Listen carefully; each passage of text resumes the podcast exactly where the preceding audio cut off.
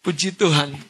Bapak Ibu siapa yang pada minggu lalu diberkati oleh saya ralat dikit. Siapa yang sangat diberkati oleh khotbah Ibu Gembala? Haleluya.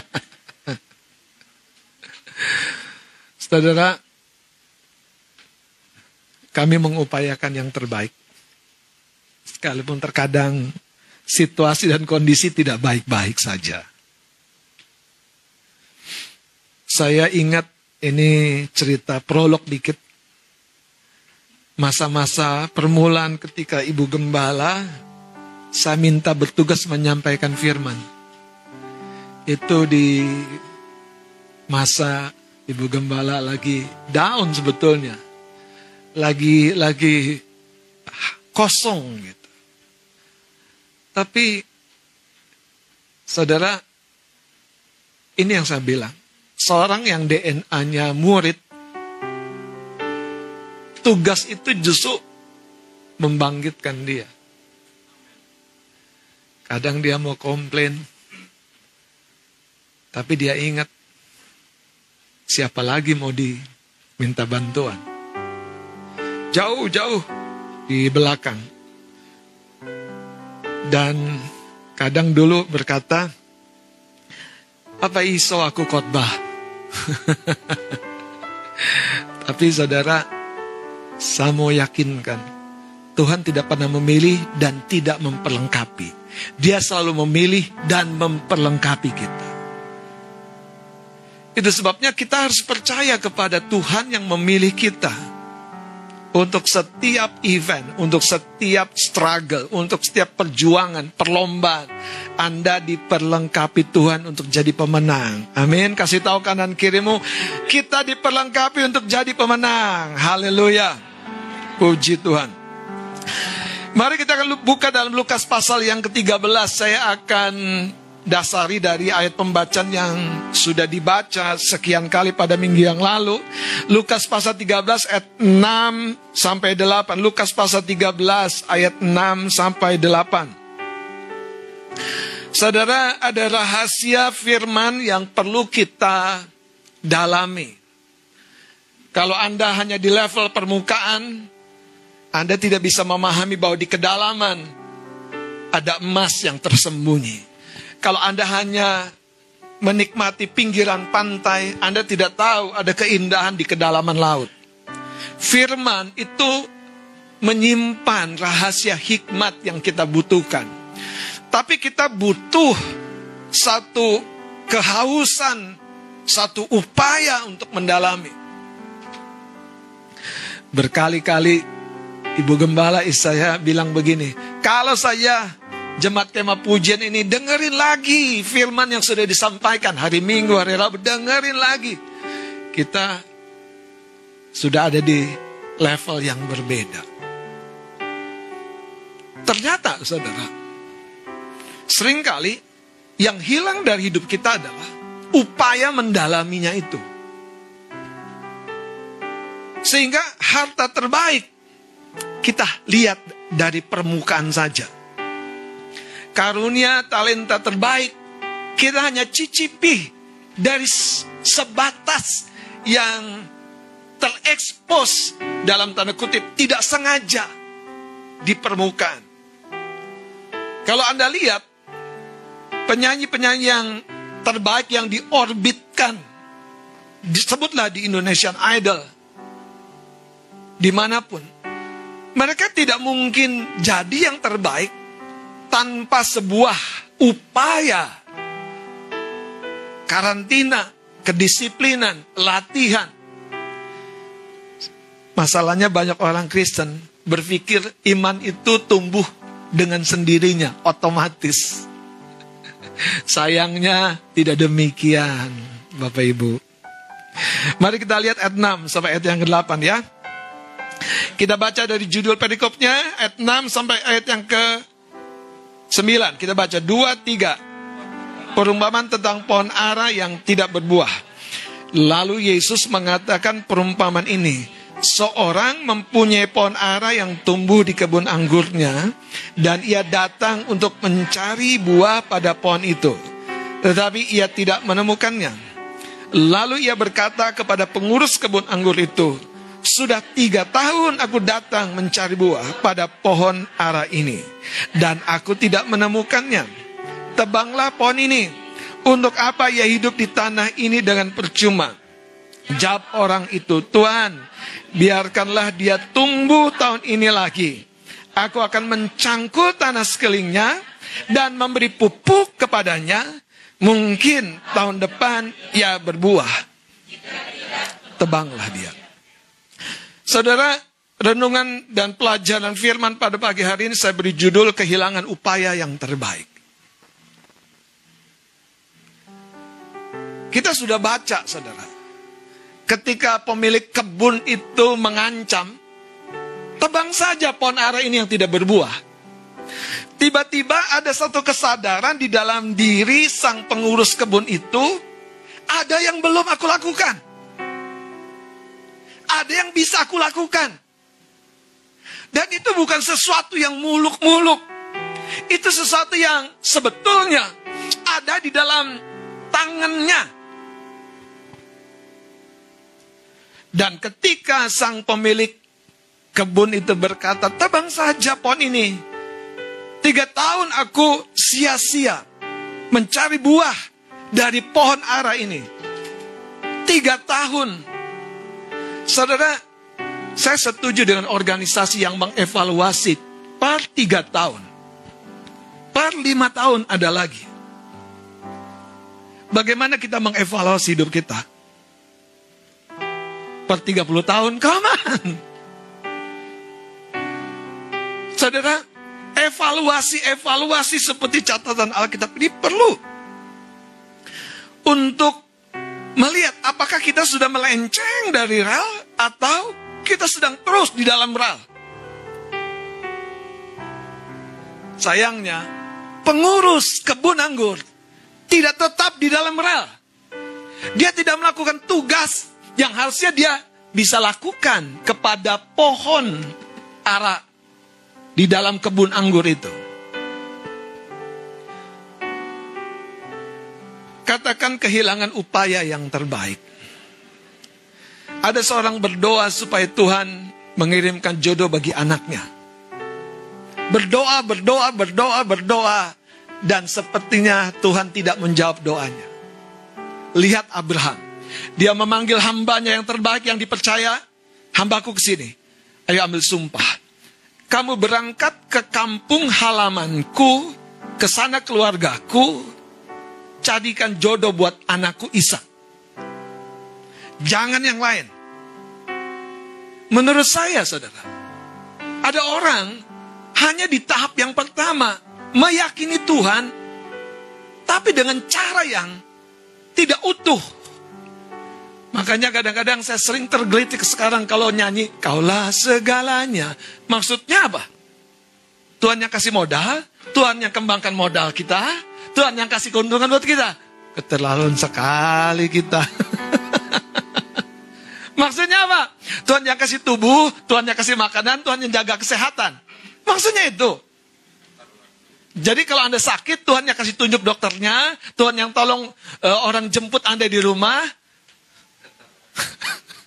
Terus di mana kakimu? Fungsinya. Hamba Abraham itu pergi. Dan dalam prosesnya pun hambanya Abraham itu dengan takut terus bersekutu dengan Tuhan. Berdoa kepada Allah. Supaya jangan meleset. Yang menarik saudara. Hambanya Abraham itu tidak berangkat ke pasar. Tapi ke sumur. Sumur itu bicara tempat perjumpaan. Sumur itu bicara tempat di mana makhluk hidup mencari penghidupan. Dan ketika hambanya Abraham pergi ke sumur, seperti Yesus menunggu di sumur Yakub, berjumpa dengan perempuan Samaria, hambanya Abraham berjumpa dengan Ribka. Jangan ragu kalau Anda tahu kemah pujian adalah sumurmu. Tapi engkau harus bangkit, harus aware seperti hambanya Abraham. Jangan miss aku. Oh kalau Anda baca serius, Anda tahu keseriusan melakukan tugasnya hambanya Abraham itu. Itu yang membuat dia sukses. Kita suka bilang gini. Do the best and God.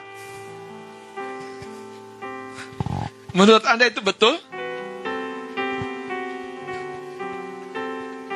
Pertanyaannya adalah gini, Anda tahu nggak yang namanya the best dari hidupmu tuh? Jadi Anda baru bilang do the best. Sudahkah Anda melakukan yang the best dari hidupmu? Jadi kalau kita bilang do the best and God do the rest. Seolah-olah kita mengkondisikan Tuhan, Tuhan aku udah lakukan yang terbaik. Kok kok engkau tidak buka jalan? Kok kok engkau tidak berkati usahaku? Toko sebelah jam 5 pagi udah buka. Kita jam 8 masih digedor-gedor pelanggan. Lah larilah sama toko sebelah. Halo, anda posting status yang baper, baper, baper, baper. Eh, dengerin saya beneran. Anda posting status yang baper, baper, baper.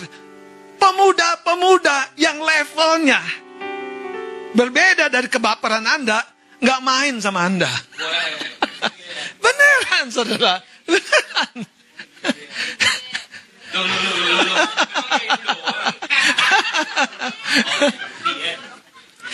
Anda nih mau dapat bangku terbaik di tempat ini. Tapi Anda masih harus dihayo-hayo. Hayo-hayo, ngerti nggak dihayo-hayo? Kayak bebek itu loh. Hayo. Kayak bebek tahu kan ada tongkatnya kan? Ayo. Halo, kasih tahu kanan kirinya, kita bukan bebek. Kita anak-anak raja, anak Tuhan. Haleluya. Bukan bebek ayam bang. Ayam.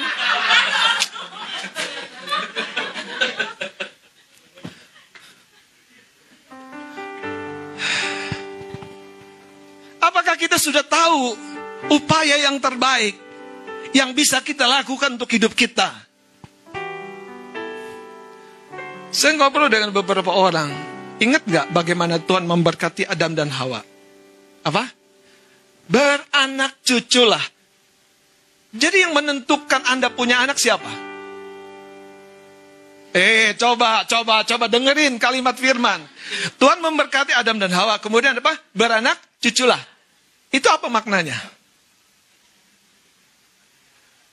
Kemampuan untuk beranak cucu sudah sudah diberikan.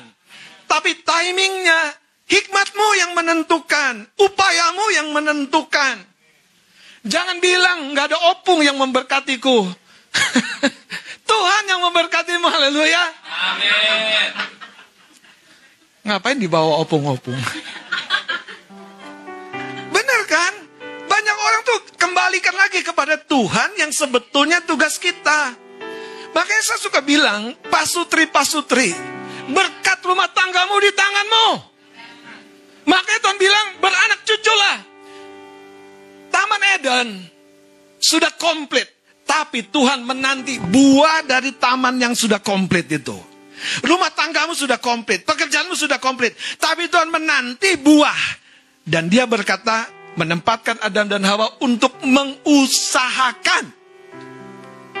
Orang Kristen mau mendapat hasil, malas berusaha, malas bekerja, malas mengejar buruan, malas berdiri pagi, siang, sore, malam. Oh kalau kalau pemburu saudara tahu harganya, kalau dia mau dapat buruan yang terbaik, namanya mengintai itu yang paling membosankan. Tapi kalau dia mau dapat buruan yang terbaik, dia mengintai di posisi yang tepat. Ada orang bilang begini, Bang, aku udah usahakan ini, tapi mana Tuhan? Tuhan gak menjawab kebutuhanku, Tuhan gak membela uh, apa pekerjaanku. Saudara, bahkan seorang pendoa pun harus berusaha berusaha mengendalikan dirinya. Itu usaha mengendalikan dirinya. Supaya dalam usaha itu Tuhan memberkati dia.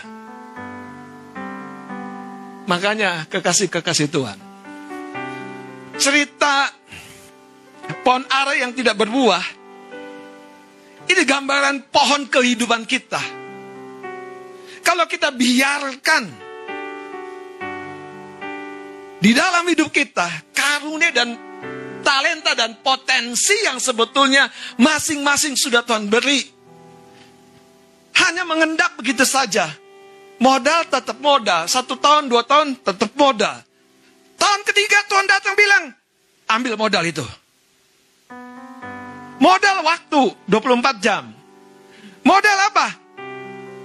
Modal apa? Suara. Haleluya. Modal apa? Badan. Modal apa lagi? Hubungan. Apalagi modal? Ya, tampang itu modal, saudara. Ada orang-orang bilang, lu cuman modal tampang dong. Emang iya?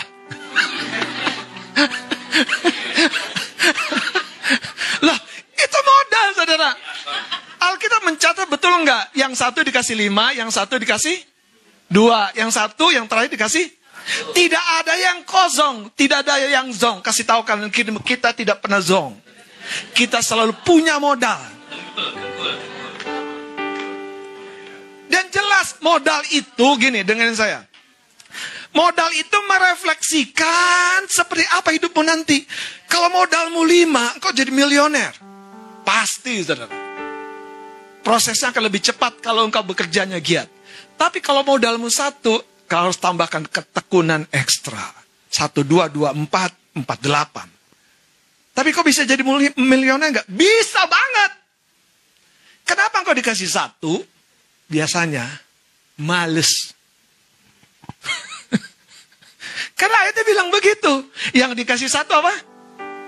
Apa? Dia simpan, dia gali tanah, dikubur.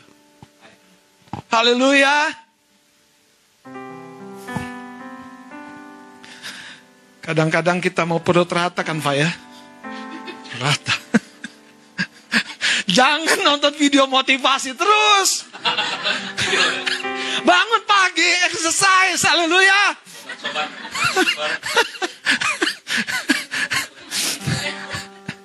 Kadang-kadang kita mau warung kita rame pengunjung.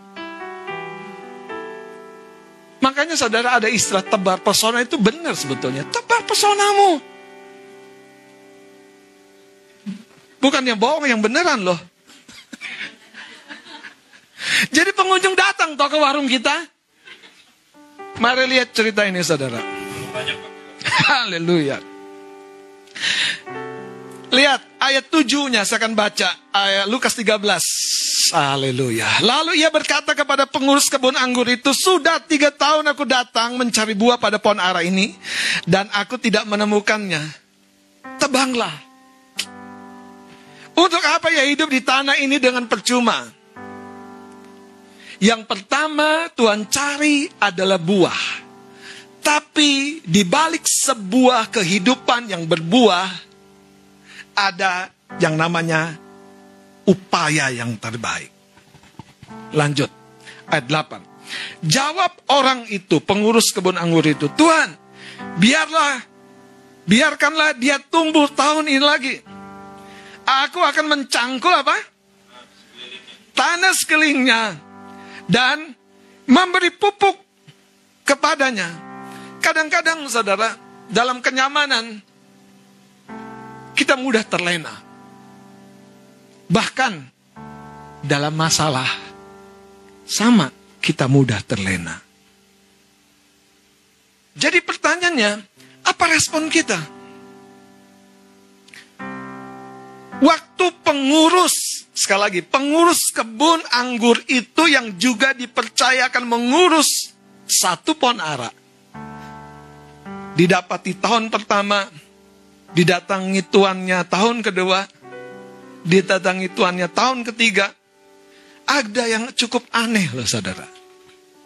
Kenapa dia nggak tahu keinginan hati bosnya? Kenapa dia nggak rasa apa yang Tuanku cari ya? Kadang-kadang saudara. Sorry nih, saya sebagai gembala. Saya jumpa banyak teman-teman berjuang mati-mati untuk tempat, untuk gedung. Tempat gedung ada, jiwa-jiwa kocar kacir. Karena bukan tumbuh. Saudara, kita harus tumbuh. Makanya upaya yang terbaik adalah bicara bagaimana kita membuat potensi karunia talenta terkait dengan rupa, kesehatan, modal, dan semuanya itu bertumbuh.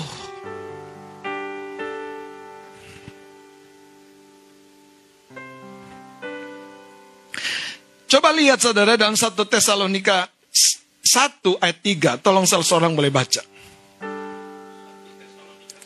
Ayat yang ketiga. Iya. Sebab kami selalu mengingat pekerjaan imanmu, usaha kasihmu, dan ketekunan pengharapanmu kepada Tuhan kita Berhenti Yesus sampai di situ. Menarik ya. Sebab kami selalu mengingat. Jadi sesuatu yang diingat itu biasanya sesuatu yang menonjol. Sesuatu yang diingat itu sesuatu yang memberi sebuah kesan dalam. Jemaat Tesalonika ini jemaat yang hebat loh. Jemaat yang bertumbuh. Jemaat yang membawa Paulus masuk dalam jenjang-jenjang yang besar, yang hebat. Pesan yang menarik dari suratnya kepada jemaat ini, sebab kami selalu mengingat apa? Pekerjaan imanmu. Saudara, ada persepsi yang sering kali tertukar. Kalau kita percaya Tuhan, kita percaya saja. Nah, coba saudara, haleluya. Kalau kita yakin Tuhan menolong kita, ya sudah, yakin saja. Saudara, ada upaya yang terbaik yang kita perlu lakukan. Buah harus diupayakan dalam Lukas 13 ini. Kemenangan harus diperjuangkan. Amin. Bahkan mujizat keuangan ketika Yesus di bait Allah dituntut untuk bayar pajak, mujizat keuangan nih harus diupayakan dengan cara apa? Petrus memancing memancing ikan. Dan itu related dengan namanya work, bekerja. Dan yang menarik sederhananya, Petrus gak, Yesus gak bilang sama Petrus, sorry nih, sorry itu saya. Maaf sekali lagi, ngutang, minjam. Enggak. Yang menarik, kembali ke pekerjaanmu. Pekerjaan kecil, kalau kau kerjakan dalam iman, ada blessing Tuhan yang besar. Makanya waktu Petrus memancing ikan yang ujuk-ujuk gak tahu dari mana, itu bisa memakan umpan pancing Petrus. Yang menarik, ikan itu punya titipan di mulutnya. Anda percaya gak sih? Tuhan tuh titipkan banyak hal di dunia ini. Dia tahu segala sesuatu. Uang beredar aja dia tahu mana yang ke mulut orang, mana yang ke mulut ikan. Dia tahu kan? Mana yang ke tangan bosmu, mana yang ke tanganmu. Ya. Perbesar dong Tuhan ke tanganku. Sekali lagi, apa upaya terbaikmu? Apa upaya terbaikmu? Mujizat keuangan saja butuh upaya. Nah ini saya coba bongkar saudara. Paradigma yang salah. Seolah-olah kalau mujizat tuh hanya mutlak semata-mata perbuatan Tuhan. No, no, no, no. Ada perbuatan kita di dalamnya. Katakan amin.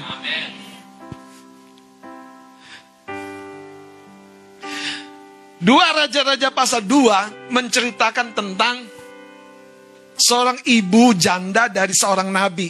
Dua punya anak. Dia punya dua. Dia punya anak dua. Dan ternyata bukan hanya punya anak dua, punya hutang banyak. Mungkin karena beban kehidupan kali ya. Dan penagih hutang datang, dia nggak punya apa-apa. Mau diambil anaknya itu dua. Tapi cerita itu tidak berhenti di situ. Yang Nabi Elisa tanya sama ibu ini, apa yang kau punya? Satu buli-buli kecil berisi minyak. Anda baca ceritanya, Alkitab mencatat, Nabi Elisa untuk membuat mujizat keuangan, mujizat berkat, memerintahkan janda ini yang pertama apa? Pinjam bejana-bejana dari tetanggamu. Jangan sedikit. Dan kemudian masuk dalam rumah tuangi. Itu pekerjaan, saudara. Musa harus memimpin umatnya melewati laut teberau yang tidak terseberangi. Tapi laut itu tidak terbelah otomatis sampai Musa mengangkat tongkat. Apakah kita sudah melakukan upaya yang terbaik? Tidak cukup sampai di situ. Yosua berperang di bawah di lembah. Musa berkata, aku akan ada di atas gunung mengangkat tangan. Mengangkat tangan untuk mendoakan. Tapi ketika tangan Musa lemah turun, Yosua kalah. Musuh Yosua makin uh, hebat. Apa inisiatif rekan kerjanya Musa itu? Mengambil batu supaya Musa jangan berdiri terus. Kasih Musa duduk di atas batu dan kemudian apa? Satu di sebelah kanan, satu di sebelah kiri.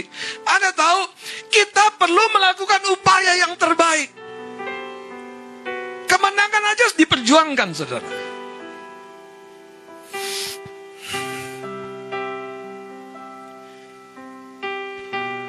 Punya tanggung jawab untuk diri kita sendiri berbuah. Kita punya tanggung jawab untuk diri kita sehat, diberkati, berdampak, sukses. Tanggung jawab seorang pelajar adalah belajar. Aku nggak bisa tahan lama belajar, nggak apa-apa. Yang penting lakukan bagianmu, doa. Tapi kalau kau bisa tingkatkan, tingkatkan. Ketika Tuhan nanti bertanya, apa kabarnya tentang karunia, talenta, dan potensimu? Sorry Tuhan, aku terlalu sibuk tentu Tuhan akan begitu sedih melihat segala kepercayaannya yang diinvestasikan dalam hidup kita tidak berarti apa-apa. Tuhan mencari manifestasi buah. Tuhan bukan hanya mencari karunia dan talenta yang dia titipkan. Tuhan tidak lagi mencari modal-modal itu. Dia mencari modal dan buahnya. Makanya kata berkembang biaklah. Tuhan ingin benih orang percaya makin limpah di muka bumi. Mandatnya diberikan kepada Adam dan Hawa.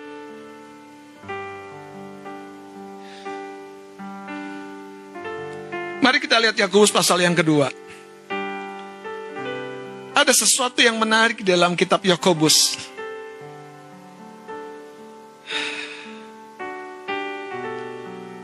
Yakobus pasal yang kedua.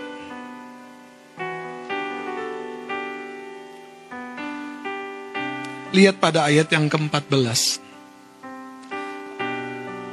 Surat Yakobus itu mengcounter orang-orang yang meminimalisir upaya bekerja, berbuat, dan membesar-besarkan aku punya iman, aku punya iman, aku punya iman.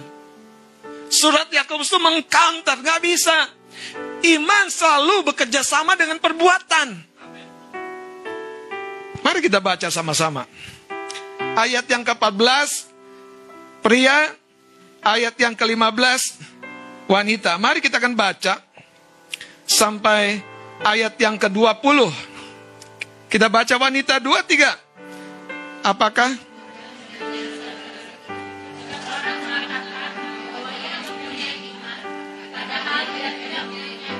Oh, terus?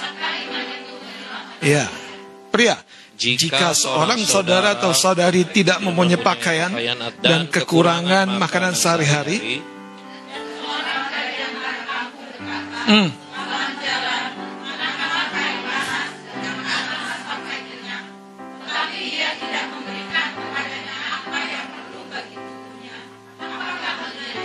apa poinnya? Mengetahui yang baik saja tidak cukup sampai Anda melakukannya. Berbelas kasih di hati saja tidak cukup sampai Anda memanifestasikannya. Tahu ide-ide yang terbaik saja tidak cukup. Tidak cukup sampai kita melangkah. Kalau Anda belum melangkah juga ada masalah. Betul saudara. Dan Anda harus ketemu seperti janda Nabi di dalam dua raja-raja itu. Ketemu orang yang menolong mendikte Anda. Mau nggak mau, saudara. Karena sesuatu, ada sesuatu yang mengganggu. Sampai kita tahu yang terbaik, tahu yang terbaik, tahu yang terbaik. Tapi kita nggak melakukannya. Lanjut baca ayat 17. 23. Demikian juga halnya dengan iman. Jika, Jika iman itu tidak disertai perbuatan, maka iman itu pada hakikatnya adalah mati. waduh, jangan sampai saya ngajarnya salah nih. Saya memberitakan iman yang mati terus. Kenapa saya nggak ngepus Anda untuk melangkah? Yang punya, mau punya ide usaha tahun 2024, jangan punya ide tok. Haleluya. Yang mau mau mau ambil kursus lagi. Yang udah S1 mau S2. Jangan punya motivasi tok. Yang mau ngelamar anak orang. Kumpulin modal. Kerja keras. Haleluya. Nabung. Kerjaan.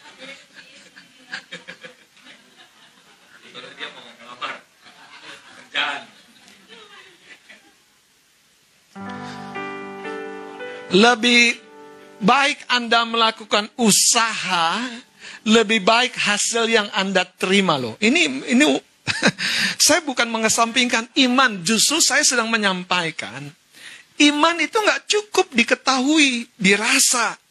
Aku terdorong, terdorong tok kayak tadi tuh.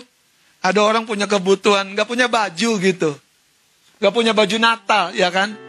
Eh kasihannya keluarga itu nggak punya baju Natal. Lalu baju bertumpuk di rumah buat apa? Kasihan toh. Kasihan toh buat apa? Terdorong tapi nggak melangkah.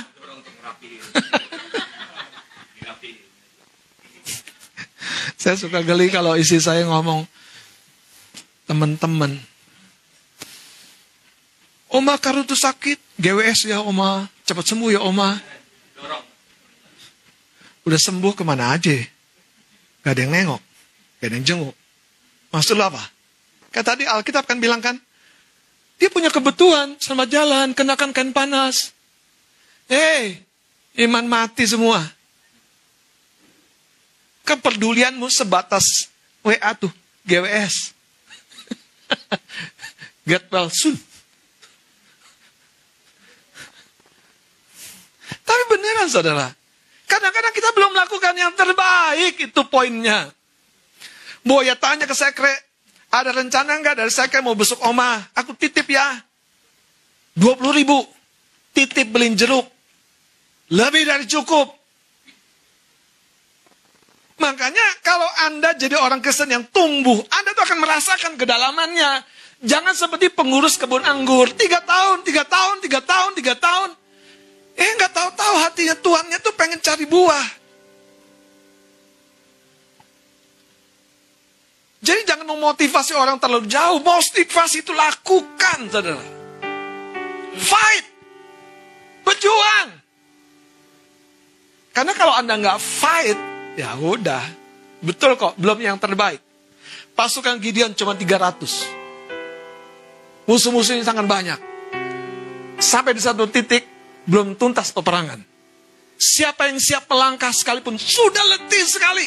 Ikut aku. Eh, mundur sebagian besar. Padahal sudah di screening dari awalnya, dari 3 ribuan itu, sekarang 3-300. Peperangan masih seru. Gideon bilang, siapa yang masih sanggup? Ayo, berperang.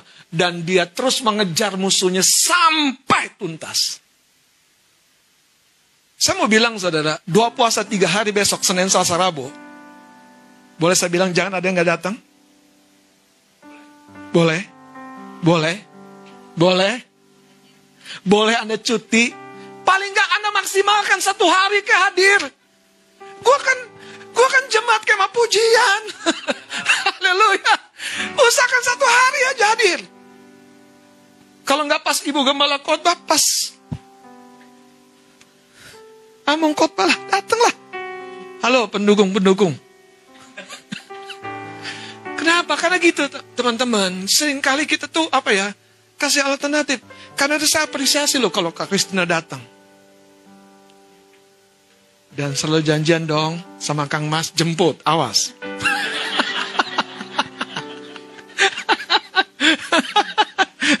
Tapi untungnya Kang Mas selalu siap sedia.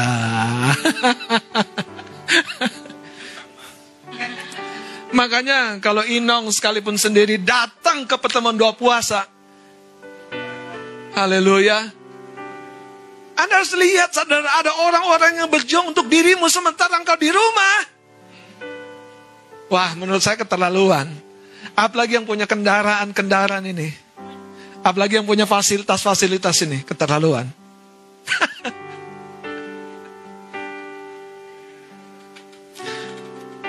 Haleluya.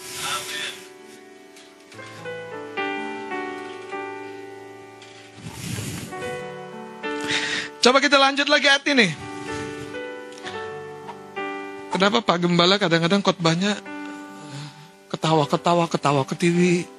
Kok sekarang kayaknya dardelo terus, kenapa ya? Mungkin dia penuh beban.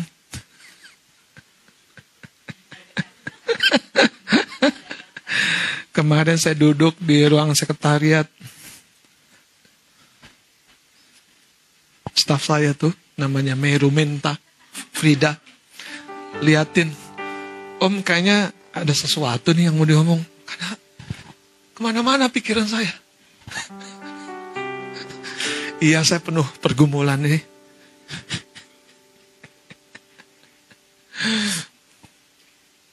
Kalau ditanya, Om gumulin apa ya? Kamu itu loh.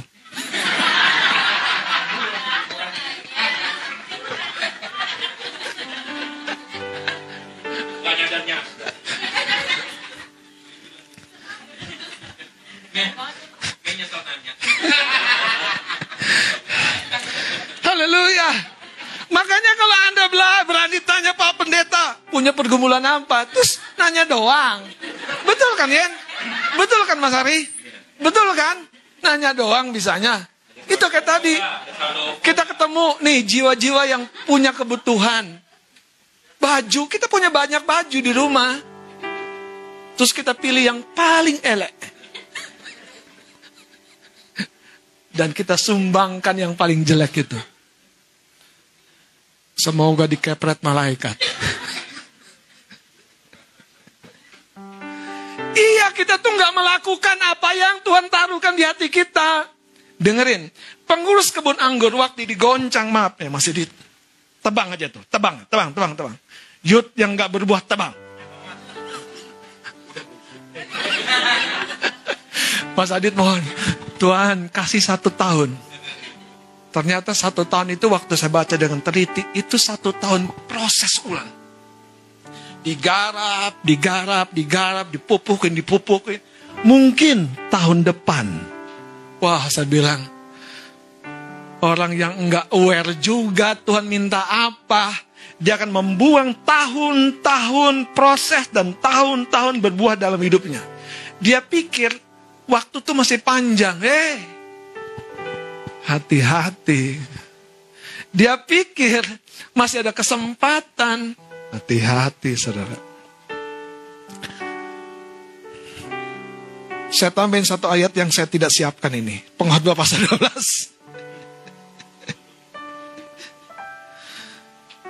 Haleluya. Hmm.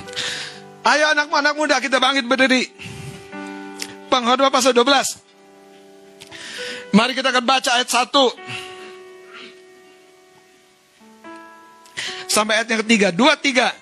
Ingatlah akan penciptamu pada masa mudamu. Sebelum, Sebelum tiba hari-hari yang malang dan mendekat tahun-tahun yang kau katakan tidak ada kesenangan bagiku di dalamnya. Sebelum matahari dan terang, bulan dan bintang-bintang menjadi gelap, dan awan-awan datang kembali sesudah hujan. Pada waktu penjaga-penjaga rumah gemetar, dan orang-orang kuat membungkuk, dan perempuan-perempuan penggiling berhenti karena berkurangnya jumlahnya, dan yang melihat dari jendela semuanya menjadi kabur. Ayat 4 terakhir. Pintu-pintu di tepi jalan tertutup dan bunyi penggilingan menjadi lemah dan suara menjadi seperti kicauan burung dan semua penyanyi perempuan. Saudara, apa pesannya? Di ayat pertama ini jelas. Ada situasi yang tidak mungkin sama dalam hidup ini. Ada kesempatan yang bergulir dalam perubahannya. Ada peluang yang berbeda di tahun depan. Kalau engkau tidak berproses sekarang, engkau tidak bisa berbuah di tahun depan. Teman-teman, sungguh-sungguhlah dalam pemuridan. Sungguh-sungguhlah beri dirimu sadar diarahkan. Tuhan tidak pernah ingkar. Proses tidak mengkhianati hasil. Kalau Anda berproses dengan baik, hasil akan mewujudkan apa yang kita kerjakan. Silakan duduk kekasih-kekasih Tuhan. Kalau demikian, dari Lukas pasal 13 ini, apa sebetulnya yang menghalangi kita melakukan upaya yang terbaik? Anda baca saya temukan. Yang pertama, ketidakpedulian. Jelas, ketidakpedulian. Nih, kesehatan Anda makin merosot, Udah batuk-batuk kecil, batuk-batuk besar, batuk-batuk terus. Yang satu bilang, udah ke puskesmas, belum buat BPJS. Iya tuh. Nggak ada uang. Pas ke puskesmas dulu, melangkah, terbuka. Saudara, ketidakpedulian dalam catatan Lukas 13 itu unik. Kenapa saya katakan unik? Karena sebetulnya di depan mata di depan mata. Apa yang kau pedulikan akan membuat engkau tidak peduli kepada yang lain.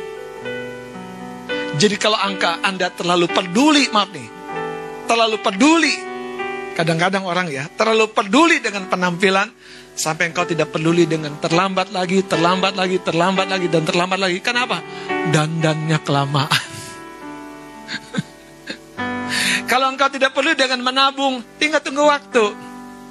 Engkau nggak punya kekuatan untuk memasuki event yang besar. Nggak pernah.